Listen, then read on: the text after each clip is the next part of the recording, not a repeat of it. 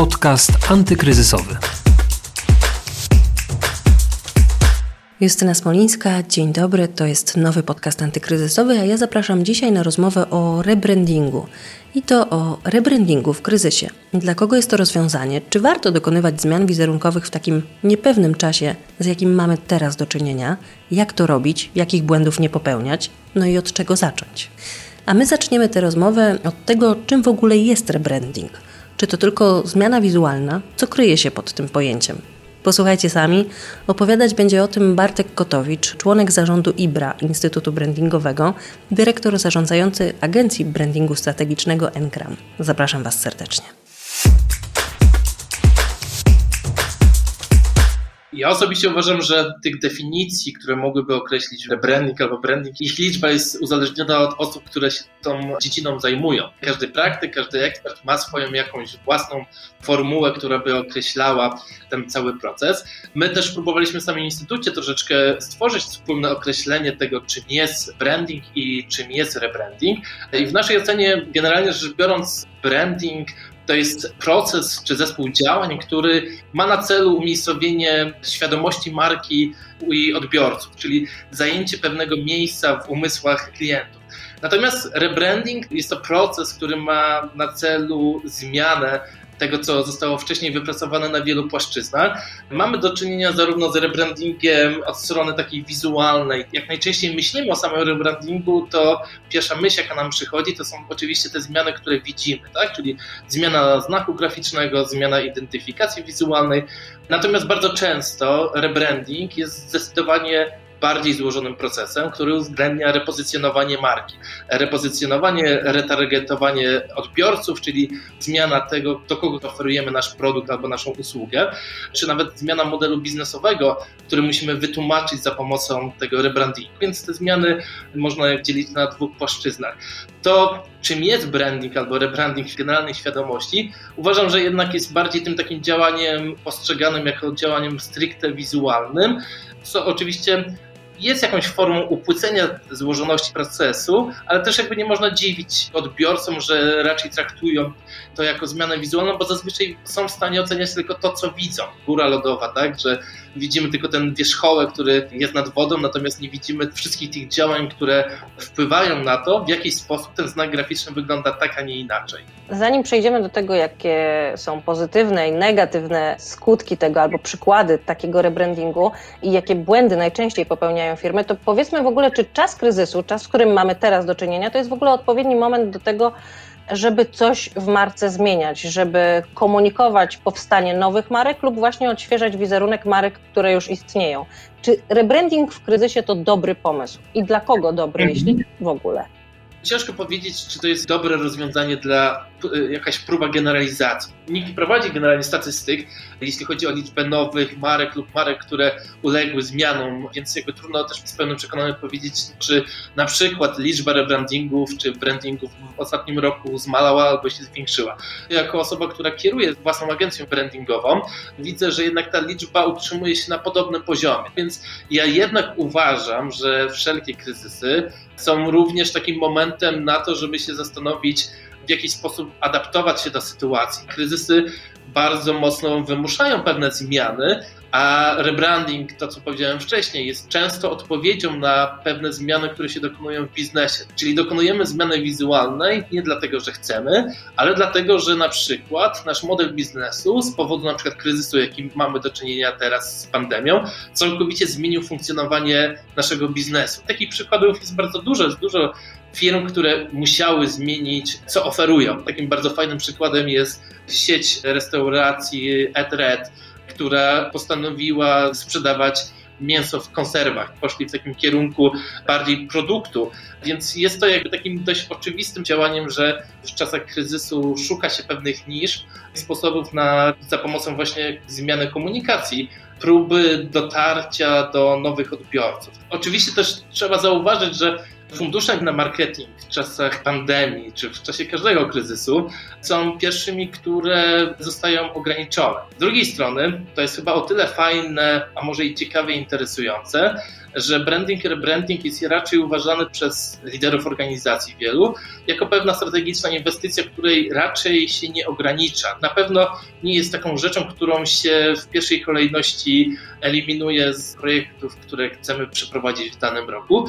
To, co ja mogę powiedzieć z własnej perspektywy, że skala wielu rebrandingów ulega zmianie, ale na pewno bardziej właśnie jest kwestia ograniczenia skali niż jakby całkowitego wyeliminowania projektu z planów inwestycyjnych danej organizacji ta sytuacja, jaką mamy do czynienia na chwilę obecną, też trochę wymusza myślenie o tym, co będzie za chwilę. I realizacja takiego rebrandingu w czasie kryzysu jest też taką formą przygotowania do tego, co się wydarzy za rok, kiedy cała sytuacja kryzysowa jednak już, miejmy nadzieję, będzie się kończyła, bo pewne zachowania czy pewne tendencje, zmiany w naszym sposobie myślenia, w zachowaniu, w naszych nawykach zakupowych, to będą zmiany na trwałe. I do tych zmian trzeba się przygotować. Trzeba znaleźć sobie odpowiedź, czy obecna nasza marka odpowiada na te potrzeby, które uległy jednak bardzo dużej redefinicji w trakcie kryzysu.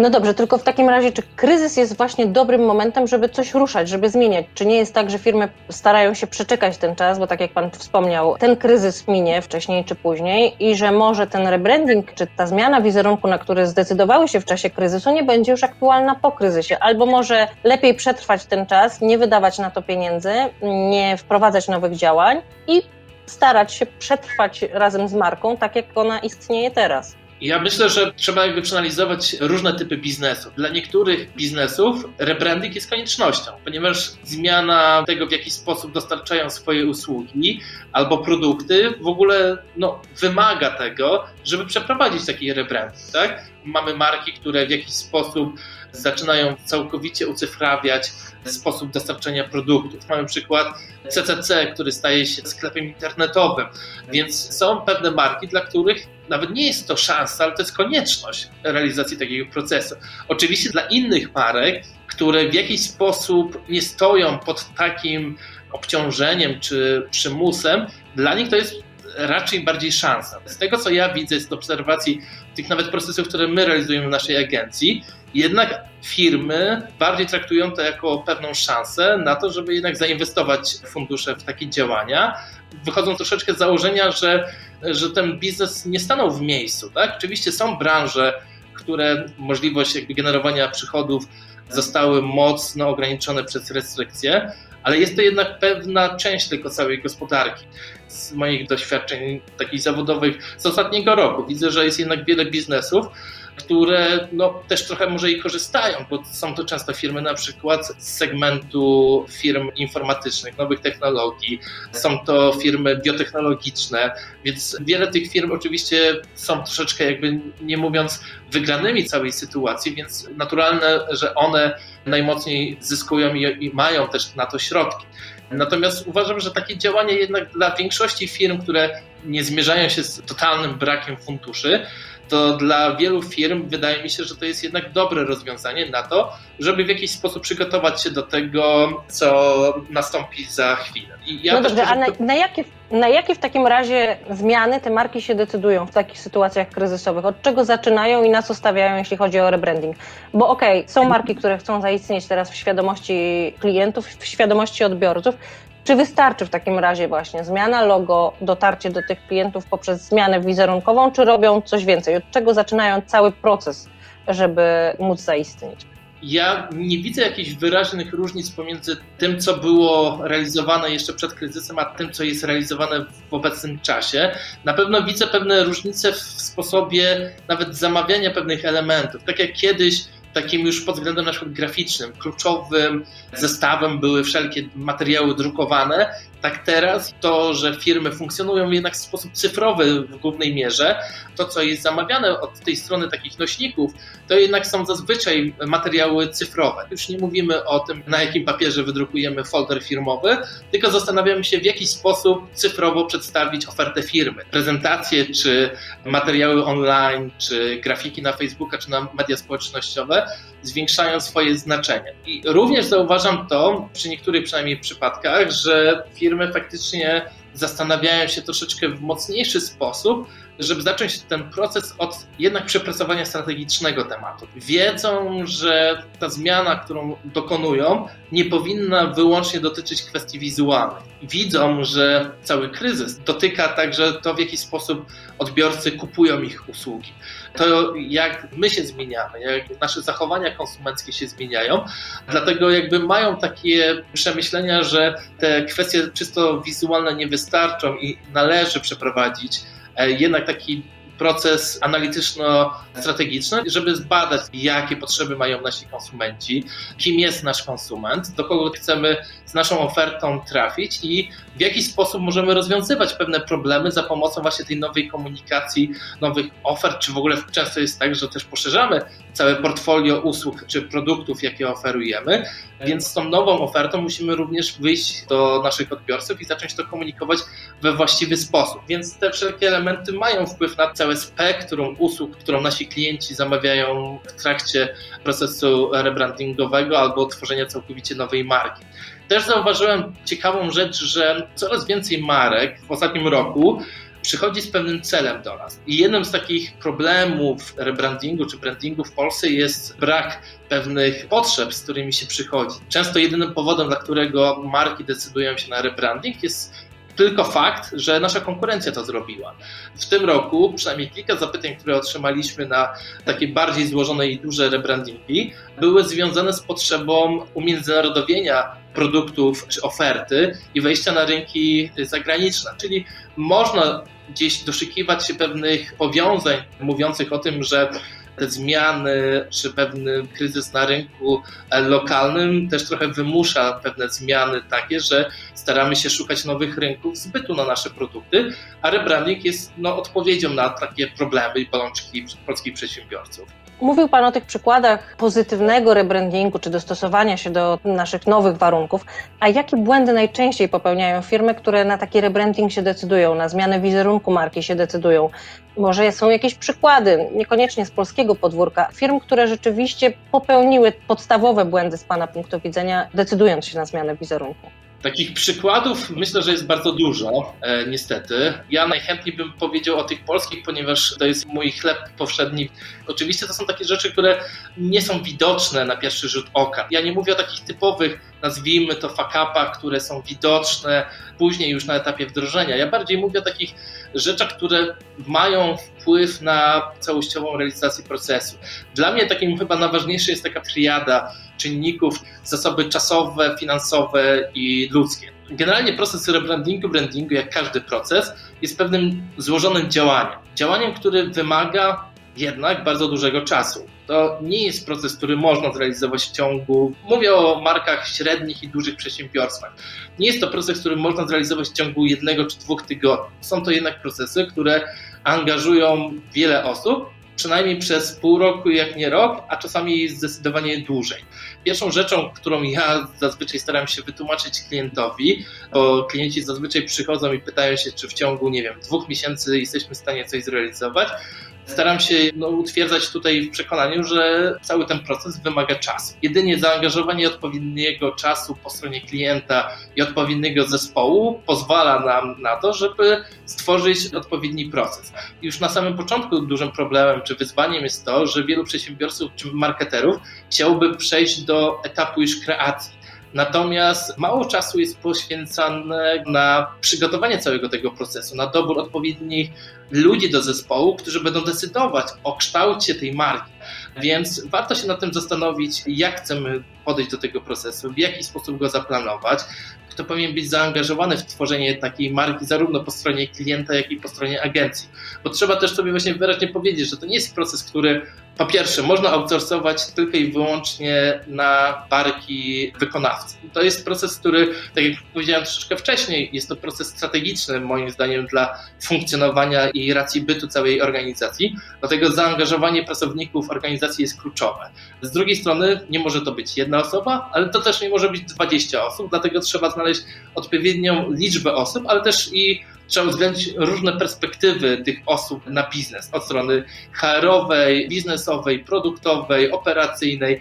No, trzeba pamiętać, że marka to nie jest tylko i wyłącznie coś, co tworzymy na zewnątrz, ale również do wewnątrz organizacji, więc choćby uwzględnienie pracowników odpowiedzialnych za zarządzanie zasobami ludzkimi jest w mojej ocenie bardzo ważne.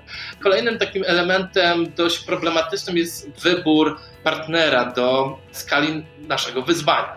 Trzeba mieć świadomość tej naszej branży brandingowej, że na niej funkcjonują różne organizacje, różne agencje. Są agencje, które się specjalizują tylko i wyłącznie na tym etapie stricte wizualnym. Są agencje, które z drugiej strony zajmują się tylko tym modułem analityczno-strategicznym. Są również agencje, które się zajmują i jednym i drugim. Więc należy sobie troszeczkę zdefiniować swoje potrzeby i szukać takich firm, które w jakiś sposób odpowiedzą na nasze potrzeby. Problemem jest też to, w jaki sposób firmy czy organizacje dobierają sobie partnerów. Bardzo często tym elementem oceniającym, który biorą pod uwagę, to jest portfolio, czyli próbują sobie przenieść jakieś wzorce estetyczne, to co nam się podoba w danej firmie, do swojego projektu. Natomiast trzeba jednak w tej ocenie, no myślę, że należy wziąć wiele więcej rzeczy pod uwagę, że organizacje generalnie rzadko pytają o doświadczenie zespołu projektowego dedykowanego pod dany projekt, brak pytań o jakieś umiejętności związane z powodem, dla którego dany rebranding czy branding jest realizowany. To są takie rzeczy, które faktycznie bardzo mocno wpływają na całokształt tego, co my po roku albo po półtora roku jako zwykli odbiorcy zauważymy w postaci znaku graficznego i to w jaki sposób, czy skuteczność całej rozwiązania kreatywnego, czy pewnej koncepcji komunikacyjnej, którą chcieliśmy zmienić w danej marce, zostanie faktycznie zauważona przez odbiorców, zwłaszcza przez tych odbiorców, do których chcieliśmy trafić. Myślę, że też takim problemem, na który ja często zwracam uwagę, jest brak, to co mówiłem wcześniej, brak celu, czyli to, że konkurencja zrobiła rebranding, dla mnie nie jest, znaczy może być pewnym prowodyrem do tego, żeby zacząć myśleć o tych działaniach rebrandingowych, należy jednak uważać i poszukać jednak bardziej głębokich przesłanek do tego, żeby taki proces realizować. Choćby dlatego, że też z mojego doświadczenia widzę, że procesy, które nie są w jakiś sposób mocno umotywowane, na dłuższą metę powodują zniechęcenie nawet tego zespołu po stronie organizacji do realizacji. I całość się przedłuża, jest troszeczkę traktowana jako projekt, taki side project, który jest realizowany po godzinach i nie jest realizowany w ramach czasu pracy, co bardzo wpływa na odpowiedni terminarz całego projektu. Ostatnim rzeczą, o którym bym chciał powiedzieć, też bardzo mocno zwracam uwagę na to, żeby traktować rebranding, branding jako proces, który jest bardzo ukierunkowany na empatię, na empatyzowanie z odbiorcami. Dlatego bardzo ważna jest próba wejścia w buty naszych odbiorców i nie myślenie o tym, co chcemy zmienić dla siebie, ale bardziej poszukać perspektywy klienta, naszych odbiorców. Czy to poprzez badania, które fajnie żeby przynajmniej średnie i duże przedsiębiorstwa realizowały jakieś wywiady, żebyśmy się dowiedzieli, czego faktycznie nasi odbiorcy oczekują, jakie mają zadania do wykonania w kontekście naszej marki, funkcjonowania naszej marki. Ale to też może być taka próba oddzielenia tego, co my chcemy zrobić, bo chcielibyśmy, żeby było ładniej, od tego, co zrobić, żeby nasi odbiorcy lepiej zrozumieli naszą markę. Czyli co zrobić, żeby nasza marka lepiej gadała z naszymi odbiorcami, tak kolokwialnie mówiąc. Dziękuję bardzo za rozmowę. Naszym gościem był Bartek Kotowicz, członek zarządu IBRA, Instytutu Brandingowego i dyrektor zarządzający Engram. Dziękuję. Dziękuję.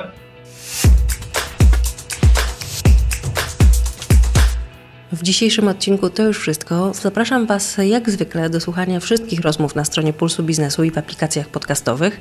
No i do usłyszenia niebawem. Podcast antykryzysowy.